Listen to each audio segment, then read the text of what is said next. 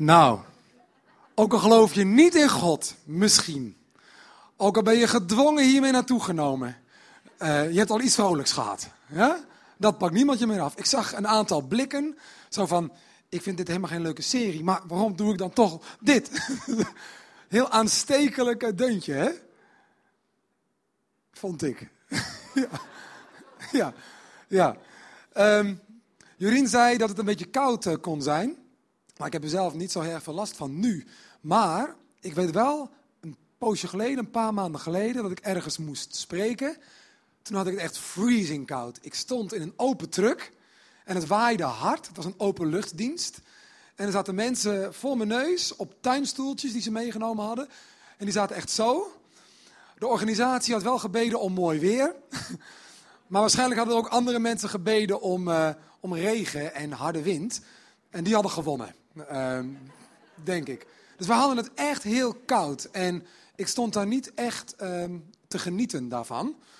Maar, eh, maar toch wilde ik vertellen over, eh, over Gods liefde. Daar ging de dienst over. Volg je mij, was het thema. Maar wat me zo opviel tijdens die dienst, er hadden twee mensen, een oude echtpaar.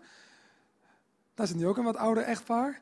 Um, maar zij, ik schatte ze in tegen de 80 jaar, 85, die mensen toen. En die zaten de hele dienst, ook waren er nog zoveel mensen die dachten, zou dit een lange dienst zijn? Hoe lang zou dit duren? Zij zaten de hele dienst heel lief en bemoedigend te glimlachen en te knikken naar mij. Zo. Zo van, joh, het is koud, we allemaal maar het komt allemaal goed. En uh, uh, we luisteren. Heel bevestigend, heel lief, maar ook samen heel lief, hand in hand in die uh, slechte weersomstandigheden daar samen zitten, heel knus. En op een gegeven moment kon ik de impuls niet meer beheersen om te vragen van, joh, jullie zijn volgens mij de enige die ontzettend uh, blij kijken nu. Uh, jullie zijn zeker heel gelukkig samen. En toen zei die man, ja, al meer dan 50 jaar getrouwd. En iedereen, wow, applausje was het toen. Zei ik, zo, al meer dan 50 jaar. Hoe is dat ooit begonnen? Toen zei ze, nou, zei die mevrouw, dat is zo'n 55 jaar geleden begonnen met een wandelingetje. Ik zeg, een wandelingetje? Weet je nog waar dat was? Ja, dat was hier in de buurt, een van die bossen, weet je wel. En uh, hij had mij gevraagd of ik wilde wandelen om elkaar wat beter te leren kennen. En ik had ja gezegd. Dus we kwam hij halen. We gingen naar het bos en het was een beetje onwennig. En we liepen naast elkaar. En het was een beetje, nou ja, we kennen elkaar nog niet goed. Dus hoe, spannende uh, momenten, zeg maar. Ik zeg, en toen? Is er toen iets ontstaan? Is er toen een eerste zoen gekomen? Hoe is dat verder gegaan? Ze waren heel open, ze vertelde verder. Toen zei die vrouw, ja, ik weet nog. Nee, zei die man, laat mij het maar vertellen. ik zei tegen haar, zei hij, als je het koud hebt, dan mag je je koude hand wel in mijn warme jaszak doen. en dat heeft ze toen gedaan. En toen zei zij er heel lief achteraan, ja, en die hand heb ik nooit meer losgelaten. Nou, lief hè. Vonden wij het toen ook. Ik vond het heel inspirerend. En um, hun relatie, hun huwelijksjaren, meer dan 50 jaar getrouwd. Die relatie heeft pieken gekend en dalen gekend. Ze hebben samen ontzettend veel geleden. En ze hebben samen ontzettend genoten. Ze hebben avonturen beleefd. En periodes dat ze dachten, dit is best wel een sleur, best wel saai. Het leven ging up en down. Maar het begon gewoon met een wandelingetje. En al die dingen die ze samen mee zouden maken, ook de grote keuzes, de dilemma's, de moeilijke perioden, die wisten ze nog niet op dat moment dat hij tegen haar alleen maar zei: steek je koude hand in mijn warme jaszak.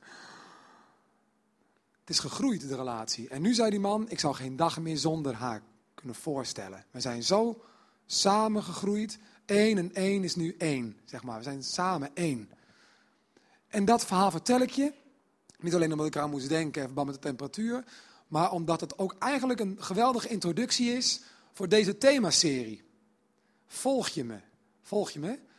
Uh, het heeft te maken met een eerste stapje zetten. Hoe zet je nou een eerste stapje, uh, als je dat zou willen, in geloof? Waar begin je nou? En er zijn ontzettend veel mensen, ook in mijn leven, mijn omgeving, die nooit een eerste stap zetten, omdat ze bang zijn dat stap 10 wel eens een hele lastige zou kunnen zijn. Snap je? Toen ik tot geloof kwam, zei mijn moeder tegen mij. Ik heb een geweldig lieve moeder. En zij gelooft ook in God. Um, alleen ze wil niet naar een kerk. ehm, eh, ze zegt, ik geloof op mijn manier. Dan zijn er heel veel mensen. Hè? Ik heb daar geen kerk voor nodig. Maar ze zei tegen me, zoals jij achter Jezus aanloopt, zoals jij met je geloof eh, bezig bent, nou, dat zou ik niet snel doen. Ik zei, waarom dan niet, mam? Nou, zei ze, dan ben ik bang dat ik uiteindelijk deur langs deur moet. Toen dacht ik, hoe kom je daar nou bij? Wat een sprong in je gedachten, alsof ik dat zou doen. Misschien als God het heel duidelijk zou maken dat ik het zou doen, maar ik zou dat niet 1, 2, 3 doen. Ik zou het heel eng en spannend vinden. En het gevoel dat ik mensen iets op moet dringen en zo. Lastig. Mijn moeder zei, ja, maar ja, als je heel enthousiast wordt, misschien, ja, misschien doe je dat dan. En dan vervreemd ik van mijn omgeving. Er zat allerlei angstvisioenen daarover. Dus daarom zei ze, laat mij maar lekker geloven op mijn manier. Gewoon nuchter zoals ik ben. En uh, ja, dat hele grote, dat lijkt me niks. En zo zijn er heel veel mensen die bang zijn als ik ja ga zeggen tegen een kerk. Of ja ga zeggen tegen het geloof dat in een kerk uh, nou ja, wordt verkondigd. Ja, ik weet niet waar ik dan eindig. Waar blijf ik dan? Misschien gaan mensen dan wat dingen voor mij bepalen of invullen. En voor ik het weet, ben ik niet meer de regisseur over mijn eigen leven. En moet ik ineens allerlei dingen. En heeft iedereen in de geloofsgemeenschap een mening over wat ik zou moeten. Een aantal weken geleden hadden we hier een dienst in de basis. Misschien was je daarbij. Over het boek Knielen op een bed violen. Wie was daarbij? Nou, best, best veel mensen. Jan Siebelink was daar ook bij, de schrijver van het boek. En dat ging erover, hè, over ontsnappen uh, uit een wurgende uh, godsdienst. Die alle levenslust kan wegtrekken uit je leven. Omdat je van alles moet. Dus of je denkt dat je het moet, of anderen zeggen dat jij het moet. En ik moet eerlijk zeggen dat in de 13 jaar dat ik nu christen ben, ik ook heel veel mensen ben tegengekomen die voldoen aan dat profiel. Namelijk tegen mij zeggen wat ik vooral wel en niet mag en moet, omdat ik ook gelovig ben. Ik weet nog dat ik een keer stond te zingen in een cafeetje. Het was een bruiloftsfeest en ik zong daar voor die mensen. Komt er een christen naar mij toe. En ik kon meteen zien dat het een christen was. Want hij keek van jij hier, jij bent toch een gospelzanger, dan ken je wel spreken. Wat moet je op een bruiloft? Er wordt hier gerookt, er wordt hier gedronken. En jij zingt Nick en Simon. Heb je dan zo hard geld nodig? Weet je wel, wat is dat? En hij kwam naar me toe en hij zei, wat denk je dat Jezus hiervan zou vinden? Toen zei ik, nou, ik heb het idee dat jij daar wel een vermoeden over hebt. Volgens mij weet jij wel wat Jezus hiervan vindt. Zei hij, nou, zou Jezus hier komen? Ik zei, nou, jij komt er wel. Uh, maar het was duidelijk, het was een retorische vraag. Ik moest geen antwoord geven. Ik moest gewoon beseffen dat ik als christen toch eigenlijk niet werelds bezig moest zijn. En zo zijn er heel veel mensen afgeknapt op het grote spel. Dat is ook tevens de titel van deze dienst. Het spel waaraan je mee moet doen en anderen ook in mee wil sleuren als je gelovig bent. Jezus zegt. En dat is dan zo iets van Jezus zegt, Jezus zegt. En als je niet meedoet, ben je slecht. Zo van je moet meedoen. En vooral geloof dat erg hebben. En er zijn zat mensen die niet meer naar een kerk gaan, die nu misschien dit, deze dienst zien op een filmpje. er zijn heel veel mensen die hier niet komen, maar thuis kijken. Er zijn meer mensen die thuis kijken dan die hier zitten. Hebben we ontdekt. Uh, en waarom ga, kijken ze thuis, dan komen ze niet hier? Omdat dit een kerk is met mensen. En daar hebben ze vaak hun buik wel van vol. Maar ze willen God wel graag. Dus gaan ze thuis op een eigen manier zitten zoeken. En kijken en luisteren. En, uh, prima. Um, een van de mensen die is afgeknapt op die manier op het geloof is Robert Long. Kennen jullie Robert Long? Hij is inmiddels een aantal jaren overleden, maar was een liedjeszanger, cabaret, man, kleinkunstenaar in het theater. En hij zong een liedje, een beetje een anti-geloof liedje, anti-religie liedje. En het heet Het leven was lijden. En ik wil er een klein stukje van laten horen. Ja, een anti-geloof liedje in een... Dat, uh, dat kan dus. Luister maar.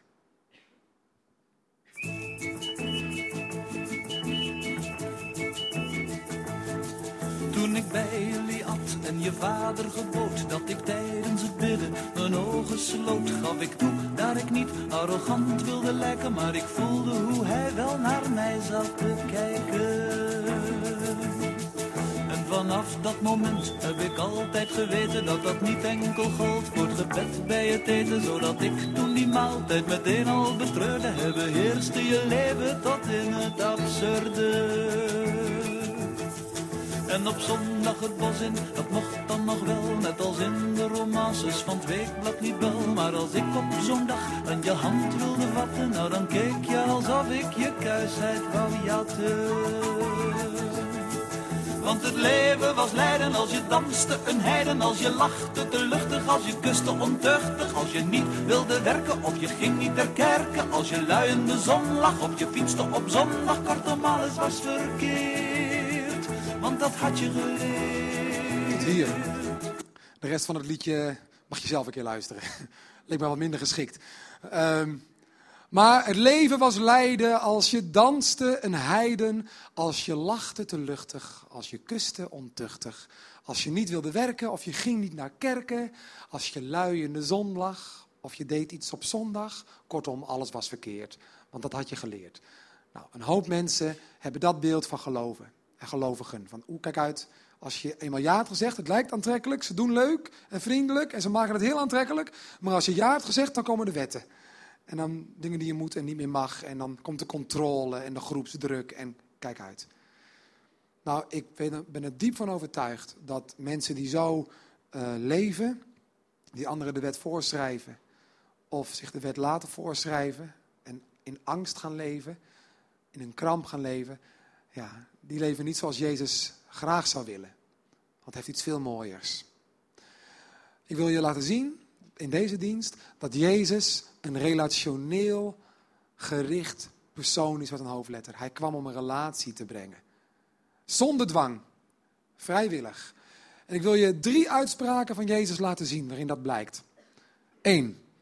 Vader en kind. Als Jezus over godsdienst sprak, over God sprak, liever gezegd, dan sprak hij over, zie het maar zo, God is een vader en hij wil dat jij zijn kind wordt. Dat is geen wet, dit is een verbondenheid. Een vader en een kind horen bij elkaar, of je dat nou wil of niet. Zonder de vader is er geen kind. Je hoort bij elkaar. En God is een hemelse, volmaakte vader. Twee, de wijnstok en de ranken. Nou, Jezus zegt, ik wil de wijnstok zijn, ik ben de wijnstok, en jullie zijn de ranken. Nou, voor de mensen die dat even voor zich zien, een wijnstok is de stam en de ranken die, die zijn eraan verbonden. En doordat de wijnstok leven geeft, aan de ranken bloeien de ranken. Zonder de stam gaan de ranken dood, verdorren ze, drogen ze op.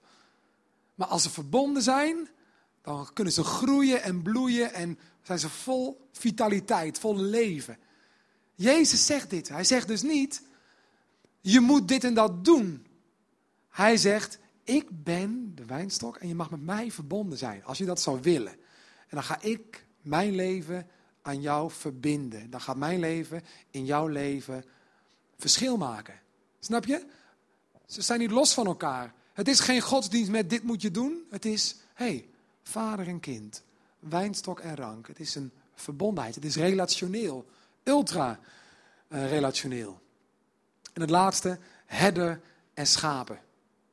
Nou, toen ik voor het eerst over de schapen hoorde, was ik niet zo heel erg positief aangesproken. Want ik verlang er nog niet echt naar om, om, om een schaap te zijn. Zeg maar, als ik een schaap zie lopen, denk ik niet, nou, dat spreekt me aan. Ik vind het, een beetje dommig over, een beetje, ja, een beetje wollig lopen ze daar zo rond.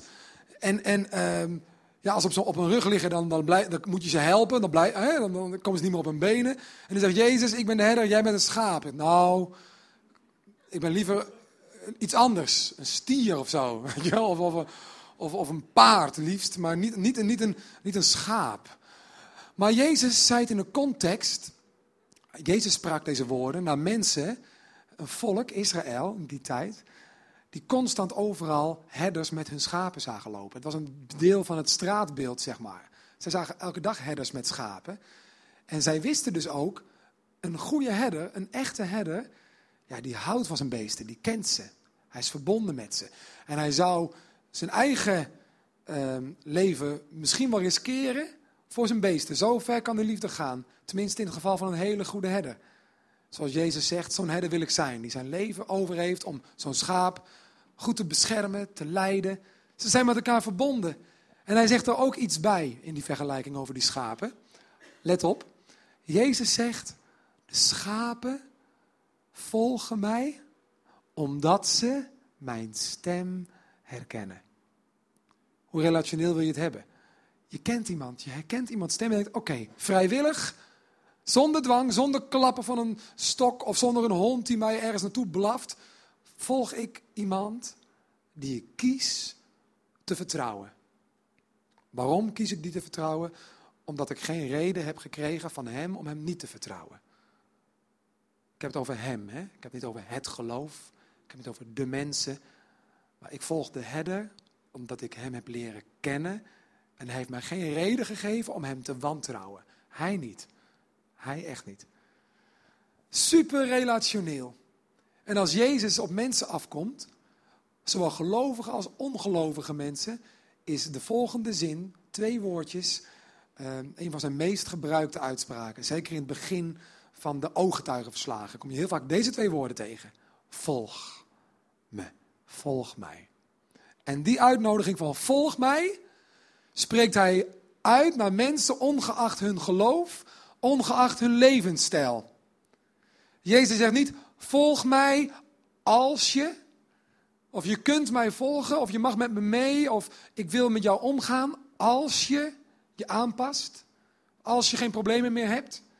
Als je netjes bent gaan praten, als je niet meer vloekt, als je stopt met roken, als je het goed gaat maken met je ex. Nee, hij zegt, volg mij. Nu, vandaag, als je dat zou willen, het is geen bevel, maar het is een vraag. Volg mij als je dat zou willen, zoals je vandaag ervoor staat. Ik wil je nu al meenemen. Ik wil nu al met jou omgaan. En we gaan nu gewoon beginnen. Waar we nu zijn. En wie weet waar we samen uitkomen. Een beetje zoals die man die tegen zijn vrouw zei: Steek je hand maar in mijn jaszak. En we zullen wel zien. En 55 jaar later zegt hij: We zijn één geworden. Ik zeg nu, 13 jaar later, nadat ik de hand als het ware van God greep, dat ik mijn keuze maakte, zeg ik 13 jaar later, ik heb nu veel meer voor hem over dan toen. Toen had ik ook de hand los kunnen laten, van nou ja, het is toch niet wat. Maar ik heb geen reden gehad om dat te doen. Dus ik heb die hand vastgehouden. En sterker nog, hij heeft die van mij vastgehouden, nog veel steviger. En mijn liefde voor God is nu groter dan 13 jaar geleden. Waarom? Door de dingen die je samen meemaakt. Dingen waarin hij zichzelf bewijst. Dat je merkt, hé, hey, het werkt, hij werkt, het is echt. En zo groeit het. Maar het begon met een uitnodiging, ga je mee? En toen kon ik nee of ja zeggen en ik heb ja gezegd. Maar ik was vrij om elk moment van die eerste jaren en nog steeds te zeggen, oh nee, toch niet. En dan was er geen dwang geweest van Gods kant van, hé, hey, hé, hey, dat gaat niet, je hebt ja gezegd. Ik ben vrij. Ik mag volgen. En ik heb geen reden om ermee te stoppen, want het is het beste wat ik ooit gedaan heb. Maar het moest niet. Volg mij. Ik wil je een kort Bijbelverhaal lezen. En het is een van mijn favoriete verhalen. En of je nou een gelovig persoon bent, een Bijbelpersoon zeg maar, die daarvan houdt of niet. Dit verhaal ga je sowieso misschien wel, uh, wel leuk vinden. Het komt uit Matthäus. Een van de ooggetuigenverslagen van de begintijd van Jezus op aarde. Hij ging net rond, hij begon net zijn campagne zeg maar ging zijn eerste volgelingen uitzoeken, zijn staf, zeg maar, zijn team. En uh, het avontuur moest nog gaan beginnen. En dan staat er dit. Matthäus schrijft, toen Jezus vandaar verder ging, zag hij bij het tolhuis een man zitten die Matthäus heette. hey, dit gaat dus over zijn eigen leven. Matthäus, de schrijver, schrijft over zijn ontmoeting met Jezus. Wel vreemd dat hij niet zegt, hij zag mij zitten, maar hij beschrijft zichzelf. Hij zag een man zitten die Matthäus heette. En hij, Jezus, zei tegen hem, volg mij. Hij zei dus niet, als je, volg me dan. Waarom zet ik dat erbij? Misschien heb je ooit wel eens gehoord dat tollenaars uh, slechte lui waren. Tollenaars was niet goed. Tollenaars, fariseeën, oh, dat was niet goed. Tollenaars waren belastinginners. Nou, mijn zwager is belasting, uh, werkt bij de Belastingdienst. Ik mag hem graag. Ja, ik haat hem niet. Als hij jarig is, kom ik. Maar in die tijd, als je een belastinginner was, als je een tollenaar was, dan werd je gehaat door je eigen volk. Waarom? Het volk Israël werd onderdrukt in die tijd. Door Rome, het Romeinse Rijk. Ze waren ondergelopen. Ze werden nu bestuurd vanuit Rome. En er moest dus ook belasting afgedragen worden aan Rome. Nou, wat hadden ze daar voor systeem voor bedacht, die, uh, die Romeinse leiders? Je kon, als je heel rijk was, het recht kopen om in een regio de belasting te innen. Dus dan kocht je gewoon het recht in die plaats zal ik de belasting innen. En dan was je ook vrij om boven de belasting voor Rome zoveel als je wilde extra te innen. En dat was dan jouw, jouw beloning. Dus de meeste uh, zakenlui die zo'n ding kochten, hadden al geld. Daarmee konden ze het kopen. En ze werden nog rijker omdat ze ontzettend veel extra belastingen invoerden. En de mensen hele zware lasten oplegden, waarvan het meeste in hun eigen portemonnee verdween. Nou, stel je bent zo machtig. Je bent zo rijk dat je dat kon kopen, zo'n recht om belasting te innen. Ga je dan zelf in het hokje zitten? Nee toch? Daar huur je een mannetje voor in. En dan kunnen ze daarop spugen. En jij gaat gewoon in je mooie huis dat geld uh, verschijnen. Dus Matthäus was een van de tollenaars. Die was gekocht met een bepaald bedrag. Een riant bedrag. Om in dat hokje te gaan zitten, het tolhuisje.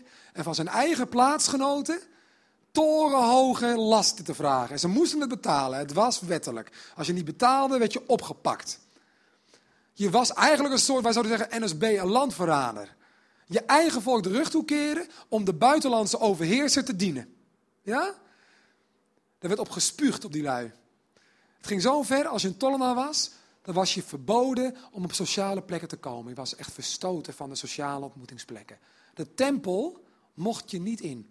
Dus stel je de tempel in kwam als tollenaar, dan werd je eruit gegooid. Je was onrein, mensen mochten niet met je omgaan. Als je een tollenaar was, waren je enige vrienden tollenaars. Ja, want die zaten in hetzelfde schuitje, ze hadden heel veel geld, dus ze konden grote feesten geven. Aan geld geen gebrek, maar voor de rest zo eenzaam als de pieten, laat ik het zo maar zeggen. Ja, alleen. Dan komt Jezus. Ook een Jood. Een dienaar in de tempel, een rabbi, een leraar. Die komt met een groep mensen achter hem aan bij dat tolhuisje staan. Jij bent Matthäus, een Jood. Daar komt Jezus aan. Daar zit je. Je denkt, oh my goodness. Daar komt die leraar aan, die radicale gast. Waar iedereen over praat, want hij was heel radicaal. Hij komt eraan met een groep mensen. Allemaal mensen die jou haten. Ze kijken al, nu gaat het gebeuren. Jezus gaat Matthäus nu zeggen, is je moeder erg trots op je? Of, uh, of uh, uh, stop met je werk, nu, en val in slaap. Weet ik veel, iets, iets machtigs, dat het ineens klaar was. Gaat hij nu laten zien dat hij er ook heel erg tegen is. Iedereen hoopte op een lekkere afgang voor Matthäus waarschijnlijk. Want ze haten, haten dat soort gasten. Daar staat Jezus daar, oog in oog met Matthäus. Matthäus beschrijft het en hij zegt twee woorden. Als eerste, volg mij. Hij nodigt hem uit. Hij strekt zijn hand en zegt, kom maar, volg mij. En volg mij wilde niet zeggen, luister naar mij, wees gehoorzaam. Het was een uitnodiging om mee te komen. Om, hij mocht bij Jezus horen, hij mocht mee. He, je hoort dus het woord possie, dit is mijn possie, mijn club. Nou, kom in mijn groep, kom in mijn team, volg mij. Ik nodig je uit. Ik selecteer jou. Petrus was daarbij, Johannes was daarbij, een aantal andere volgelingen. Die zullen gedacht hebben, wat? In plaats van een veroordeling komt er een uitnodiging en zit hij voortaan de rest van mijn leven naast mij aan tafel. Als het aan Jezus ligt. Matthäus moest nog antwoord geven, dus hij was vrij. Maar als aan Jezus lag, volg mij. Er zal een oh door de groep gegaan zijn. Hoor je dat? Het verhaal gaat verder. We lezen ook verder, vers 10. Toen hij thuis bij Matthäus dus aanlag voor de maaltijd, kwam er een groot aantal tollenaars en zondaars. Wel grappig dat die een eigen categorie hebben, hè? Tollenaars en zondaars. Tollenaars waren zelfs voor de zondaars niet goed genoeg, zeg maar. Die moesten apart genoemd. Die samen met hem en zijn leerlingen aan de maaltijd deelnamen. Dus even dit. Jezus zegt, volg mij. Matthäus is meegegaan. En dan zegt Matthäus, waar gaan we eigenlijk heen? Naar jouw huis? Naar mijn huis? Wacht even. Cultuur, onreine man, onreine plek. Alleen maar varkens die daar komen in de ogen van die cultuur. Ja? Schorrimorri, rotzakken, onreine gasten. En dan zegt Jezus, zullen we samen eten? En nodig je vrienden ook uit. Hallo. Jezus was begonnen met zijn campagne. Jezus was zichzelf aan het neerzetten. Dit is mijn missie. En wat doet hij? Hij gaat lekker eten met gasten die een heel slecht imago hadden. En hij ging daar lekker zitten. Met zijn leerlingen. Petrus, Johannes, die moesten mee. Die zullen waarschijnlijk ook gedacht hebben, waar ga ik nu naar binnen? Ik ben nog nooit in het huis van een tollenaar geweest. Mag dit wel? Moet ik niet nu een reinigingsritueel ondergaan? Dat zeiden ze in de tempel namelijk. Het gaat verder. Ga je gang hoor. Ja. De fariseeën, dat waren dus de religieuzen van die tijd, zagen dit. En zeiden tegen zijn leerlingen, Petrus, Johannes, dus niet tegen Jezus zelf, maar achter zijn rug. Waarom eet uw meester met tollenaars en zondaars? Met andere woorden, Jezus komt in de tempel. Wij ook, als fariseeën. Jezus gelooft en leeft uit de Torah, de wet van God, het Oude Testament. Wij ook. Jezus leert de mensen om God te volgen en te eren en noem maar op. Dat doen wij ook. Maar wij gaan niet bij die tollenaars naar binnen. Juist omdat wij God willen volgen. En hij gaat wel naar binnen en gaat met die gasten een feestje bouwen. Want aan de maaltijd zit, was iets sociaals, het was uitgebreid. Het was een soort van, uh, nou ja, socializen, zeg maar. Waarom? Daar geef ik even een vraag bij aan jullie. Sommigen van jullie geloven in God.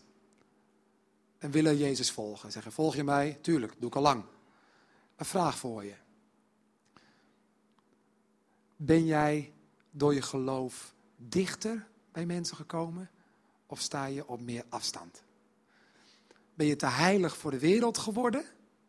En heb je nu alleen maar christelijke vrienden die zo goed begrijpen wat jij bedoelt? Of ben je nog steeds graag en met open armen ontvangen bij je oude vrienden, je familie, je netwerk, je collega's, die er misschien niks van moeten weten, dat geloof van jou? Jezus was graag een graag geziene gast bij mensen die niks van God moesten weten. Maar ze wilden Jezus graag ontmoeten. Ze wilden bij Jezus zijn. Waarom? Omdat Jezus eh, iets uitstraalde van acceptatie en liefde en hoop en het komt goed. Jezus gaf je het gevoel, ik zie wat in jou. Ik mag je. Ik mag jou graag en ik wil je meenemen.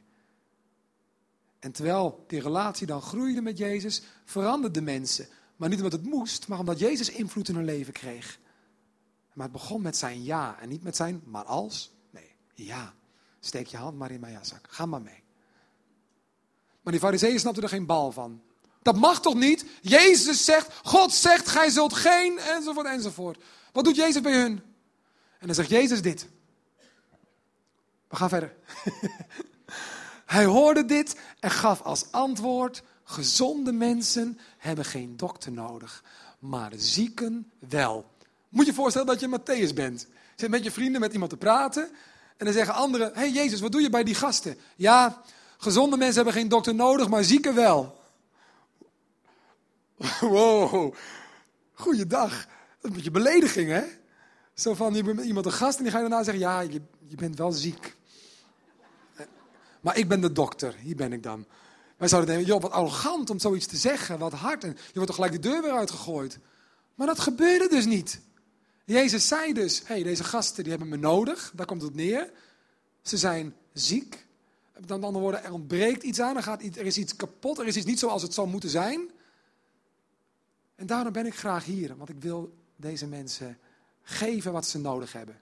Genezing of wat dan ook, wat een dokter kan bieden. Matthäus is misschien wel naar Jezus toegelopen, want die hoorde dit dus gewoon. Maar Jezus, bedoel je dat ik ziek ben? En misschien, speculeren, zei Jezus wel, Matthäus, je bent tollenaar. Je weet toch, je, je, kent je eigen leven toch? Het is toch niet zoals je het zou willen? Ja, precies. Nee, is ook zo. Nou, volgende gerecht. En weer samen verder. Want Jezus veroordeelde ze niet, maar hij noemde wel de dingen die scheef zaten. En het leuke is, als je dan verder leest, dat Jezus zegt, ik wil een barmhartigheid. Ja, dat je dus geeft om mensen. Ik wil barmhartigheid, geen offers. Je moet, je moet, je moet.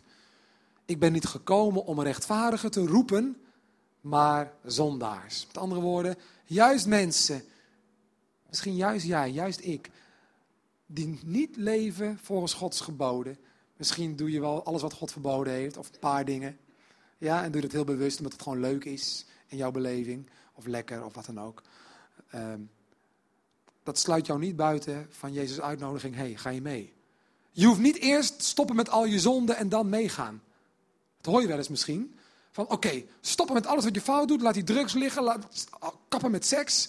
Um, voordat je getrouwd bent. Dit en dat, dat mag allemaal niet. En, ehm, en, en dan ga ik in je leven werken en gaan we het heel mooi maken. Nee, Jezus zegt gewoon: hé, hey, Ik hou van je. Ik zie wat in je. Ik mag je graag. Ga je mee. Ja, maar mag ik dan roken? Nou ja, als jij in het begin nog ga lekker roken. Ik zeg niet dat roken goed is, hè? Ik zeg niet dat God zegt dat roken goed is. Ik zeg alleen dat God graag een relatie met je wil en die begint waar je bent. En niet twintig jaar later, waar je misschien uit gaat komen. Die begint vandaag. En dan nodigt jou vandaag uit, hey, ik zie wat in je, wil je mee? That's it. Ja, maar wat, wat gaat u dan doen? Dat zien we wel. Ja, maar wat moet ik dan doen? Je moet niks. Ja, maar, ik, ja, maar, ja. Maar als ik ja zeg, dan ineens komt iemand op bezoek en die zegt, je moet wel wat. Of ik heb je gezien in de disco, wat had je trouwens aanstootgevende kleren aan of zo. Nee, ga gewoon, ga mee. Dat is het. Open boek. Ga mee. Geen prijskaartje. Ga mee, als je wil. Je mag. Je moet niet, je mag.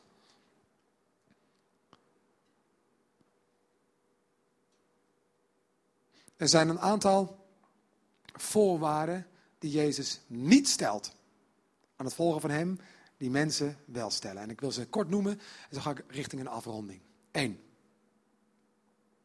Ga je gang. Dat je onvolmaakt bent, dat weet je toch? Ik ben onvolmaakt, jij bent onvolmaakt. En dat je misschien zondigt, dingen doet waarmee je jezelf bezeert, anderen bezeert, die niet goed voor je zijn, maakt je niet ongeschikt voor Jezus. Het is zelfs een voorwaarde. Het selecteert je. Alles waarvan je denkt, ja, maar dat vindt God niet goed. Dus uh, ik blijf al op afstand. Of uh, geloof is niks voor mij, want uh, ik leef anders. Het selecteert je juist. Niet voor het geloof, maar voor een band opbouwen, stapje voor stapje, met de persoon om wie het geloof draait, Jezus. Het selecteert je. Ja, het selecteert je. Jezus zegt niet, zoals godsdienst zegt, pas je aan, dan kun je me volgen. Jezus zegt, ga met me mee en misschien gaat er wel iets veranderen. Als je me de kans geeft. Maar dat moet groeien. Stap voor stap. Niet alles in één keer. Volgende. Punt 2. Dat je niet alles, en dat is een spannende, dat je niet alles, of misschien nog helemaal niks, over Jezus gelooft, sluit je niet buiten. Jezus' eerste volgelingen geloofden ook niet in Jezus. Ja, ze lieten hun netten achter, ze lieten alles achter en volgden hem. Ik heb ook basisschool gehad met een Bijbel. Ze stapten uit de boot en over het water. Oh nee, dat was later. Ze deden iets, maar ze gingen achter Jezus aan. Dus ze geloofden in hem toch? Hij zei kom en zij deden het. Dus ze geloofden. Hun ogen gingen open en ze hadden alles even over. Zelfs ze lieten hun familie achter voor Jezus. Nou, dan geloof je toch? Nou, ze geloofden misschien in Jezus, zoals sommigen van jullie geloofden in Pim Fortuyn. Of heel veel mensen in Nederland. Er was een nieuwe man. Met een nieuw geluid, een nieuwe aanpak, een nieuwe boodschap. Met heel veel elan. En er gebeurden wonderen en mensen waren dol enthousiast. Er kwam een dynamiek op gang rond Jezus. Die man die heeft iets, joh, dit heb je nog nooit gehoord. Kom mee. Mensen mee naar Jezus. Jezus zegt, u heeft gehoord, in de Bijbel staat dit, maar ik zeg u dat. Oh, alles anders. We gaan mee. Niet met de Zoon van God. Niet met degene die ons in de hemel gaat brengen. Niet met degene die ons een nieuw hart gaat geven en de Heilige Geest gaat uitstorten. Wisten zij veel? Hij sprak gewoon goed. Dat was het. Hij sprak gewoon heel goed en aansprekend. En hij had een boodschap die, ja, die geloofwaardig was. En die, die binnenkwam en waar mensen van zeiden: hey, maar dit is anders dan al dat gewauwel over gij zult en moet. En al die mensen op de hoek van de straat, zie mij eens bidden. Het is niet schijnheilig, het is echt. Dit vind, ik mooi. En het leuke is dat overal waar Jezus kwam, dat juist de zondaars, die zichzelf ook echt zo noemden, die het helemaal niet erg vonden, want iedereen wist toch al dat ze hoer waren of dief of wat dan ook, die liepen achter Jezus aan. Wat gaat hij nu weer zeggen? Ik ben benieuwd. Zoals sommigen achter Pim Fortuyn aan liepen. Pimmetje, Pimmetje gaat het allemaal veranderen voor ons. Zo liepen de meeste mensen, denk ik, als ik me het zo voorstel, achter Jezus aan. Gewoon een nieuwe stem, een nieuw geluid. Stem op Jezus, zoiets. En dan gaat Jezus zeggen, je moet mijn uh, bloed, uh, heb je nodig om vergeving te krijgen. En ik ga voor jullie sterven en ik sta weer op. Toen liepen er ook heel veel mensen weer weg. Van, nou ja, hij is nu de war. Want daar waren ze niet voor gekomen. Ze waren voor die nieuwe held gekomen. Dus, dat je nog niet in Jezus gelooft, als zoon van God of als iets goddelijks überhaupt, wil niet zeggen dat je pas mag volgen als je dat allemaal gelooft. Ik geloof zelfs dat als je gaat volgen, de kleine dingetjes waarvan je denkt, oké, dat zegt Jezus dus in de Bijbel. Nou, ga ik gewoon eens proberen. Als je met die kleine babystapjes begint, ga je merken, hé, hey, dat werkt. Oh, dan ga ik dat ook proberen. Oh, dat werkt ook. Oh, dat werkt ook. En zo bouwt je geloof zich op. En denk je, uiteindelijk kom je misschien bij het punt, wow, zou het dan echt de Zoon van God zijn? Of misschien kom je daar nooit. Ga daar niet nu al over nadenken waar je uitkomt. Ga gewoon een eerste stapje zetten. Snap je? En als je al drie stappen hebt gezet, nou, ga dan de volgende zetten. Blijf gewoon in beweging, maar uh, ga niet wachten tot je alles gelooft. Dan kan je wel eens heel lang wachten. Ja? Nog één voorbeeld daarbij. Komt uit de Bijbel. Het is bizar. Uh, wie van jullie heeft er wel eens in de Bijbel gelezen of gehoord op school of waar dan ook? Veel van jullie? Ja, oké, prima. Dan heb je dit verhaal misschien wel eens gehoord. Het wordt het zendingsbevel genoemd. Komt ergens bekend voor? Zendingsbevel. Dus dat Jezus zegt, ga de wereld in en, en vertel over mij. Nou, wat er gebeurt, Jezus leeft drie jaar lang op aarde met, met, met zijn boodschap. Van zijn dertigste tot zijn 33ste. Dan wordt hij opgepakt. Dan wordt hij aan een kruis geslagen en daar sterft hij. En daar stonden zijn leerlingen bij. Ze zagen, wow, hij is dood. Er werd een speer in zijn zij gestoken. Er kwam bloed en water uit zijn zij. Dat was een teken, ja, hij, hij is dood. Dat is gewoon medisch gezien. Uh, het is, hij is dood. En uh, uh, hij werd van het kruis gehaald, hij werd in grafdoeken gelegd. Hij werd begraven, er werd een grote steen voor, de, voor het graf geschoven. Het was klaar. En na drie dagen verschijnt Jezus aan mensen. En ze vertellen het elkaar. Ik heb hem gezien. Ja, ja, ja. Ik, ik heb hem echt gezien en hij zei dit en hij zei dat en wonderen en dit en dat. Jezus verschijnt geeft aan al zijn discipelen tegelijk. Steeds zijn er leerlingen van Jezus in de Bijbel die daar dus bij stonden, die twijfelden, is het wel echt? Die twijfelden gewoon. Het waren gewoon mensen van vlees en bloed zoals jij en ik. Die grote helden, die discipelen, waren gewoon mensen met twijfels. Maar dat disqualificeerde ze niet. Helemaal niet. Jezus ging gewoon met ze verder. Een van de discipelen heeft zelfs een bijnaam gekregen over zijn ongeloof. Thomas. Ongelovige Thomas. Uh, bij iedereen wel bekend. Hij is nu al lang in de hemel, bij Jezus. En denk als je hem op een dag tegenkomt, zeg je: Hey Thomas, jij bent toch ongelovig? Dan wordt hij waarschijnlijk heel kwaad. oh, ik ben hier gewoon al 19 eeuwen en iedereen noemt mij nog steeds ongelovige Thomas. Irritant lijkt me dat. Mag ik eens een keer een nieuw label? Ik geloof al lang. Maar het is wel mooi dat hij in de Bijbel staat met zijn ongeloof. Want hij hoorde er wel bij, met zijn twijfels. En dan staat er dit. Jezus kwam op hem af, op hen af, de discipelen. Op de Olijfberg was het. Ik zat achter in Matthäus. Hij komt naar ze toe en iedereen zag hem.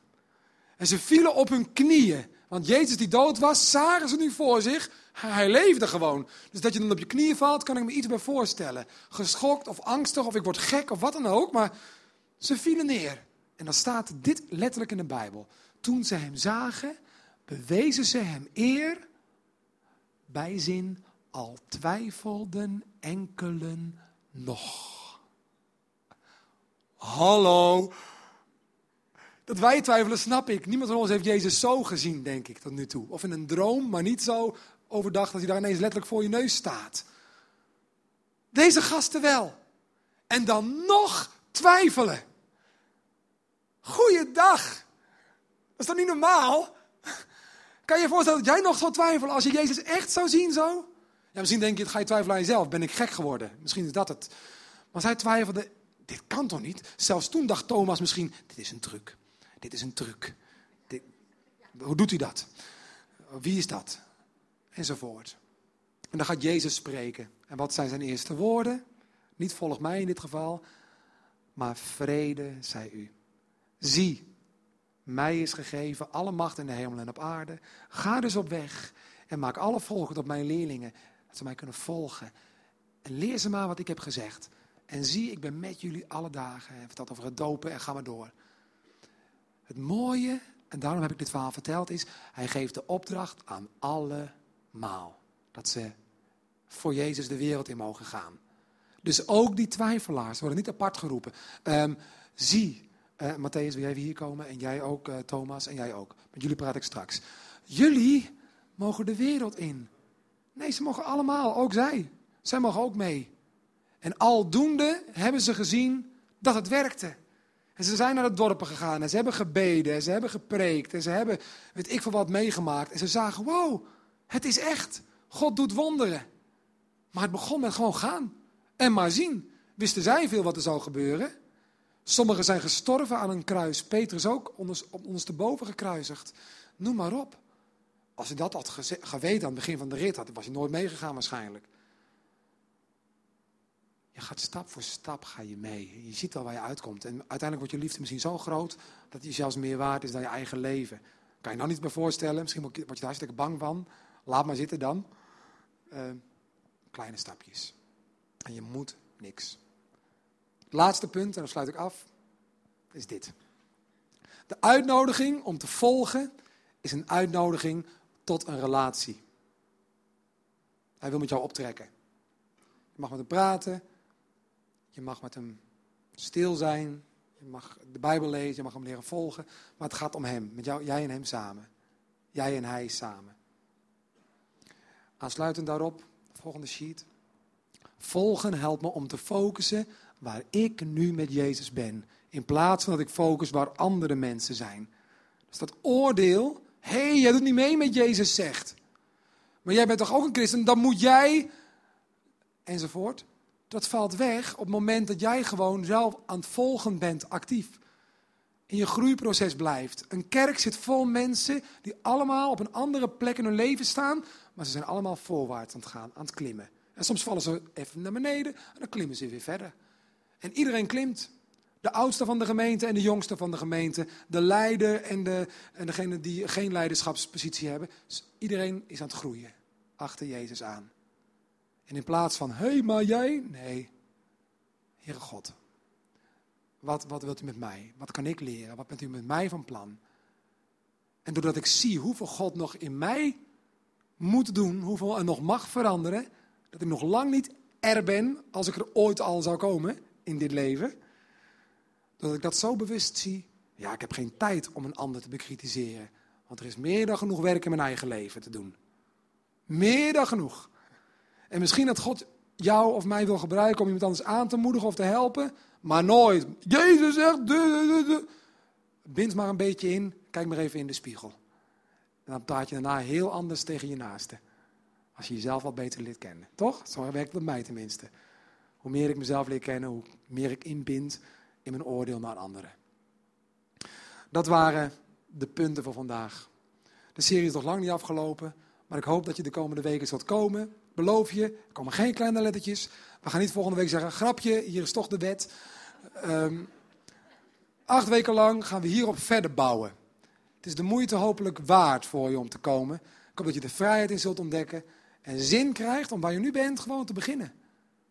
Je hoeft niet helemaal te veranderen. Dat komt wel, misschien. Ja? Waar het nodig is, aan jij hen de ruimte geeft. Mag ik voor jullie bidden? Dan sluiten we zo eh, af. Heer Jezus, ik wil u danken dat u leeft. Ik wil u danken dat, nou, dat u zo geduldig bent. Ik wil u danken dat, dat u zo, zo, zo trouw bent. Ook aan mij. Als ik kijk naar de afgelopen 13 jaar, dan ja, heeft mij er nooit uitgegooid. Hoewel ik u vaak reden heb gegeven in mijn ogen om dat wel te doen. U bent. Ja, u wist waar u aan begon, ik niet. Dank u wel daarvoor. En ik wil u bidden voor alle mannen, alle vrouwen, alle jongens en meiden in deze zaal. Geef ons uh, de moed en het verlangen om uh, een stapje te zetten. dat kunnen we allemaal. Voor iedereen is er wel een volgende stap te zetten. Niemand is hier gearriveerd. We mogen allemaal een volgende stap zetten, als we dat willen. En dank u wel dat als we het voor ons zien, Jezus, als we u voor ons zien, dan mogen we een man zien die ons graag mag. Die positief naar ons kijkt. Die ons een hand uitstrekt en zegt, hé, hey, pak deze hand maar. Kom je mee. Het hoeft niet, het mag wel. En het gaat goed worden. Ik wil jou zeggen, ik wil u zeggen, pak die hand. In Jezus' naam. Amen.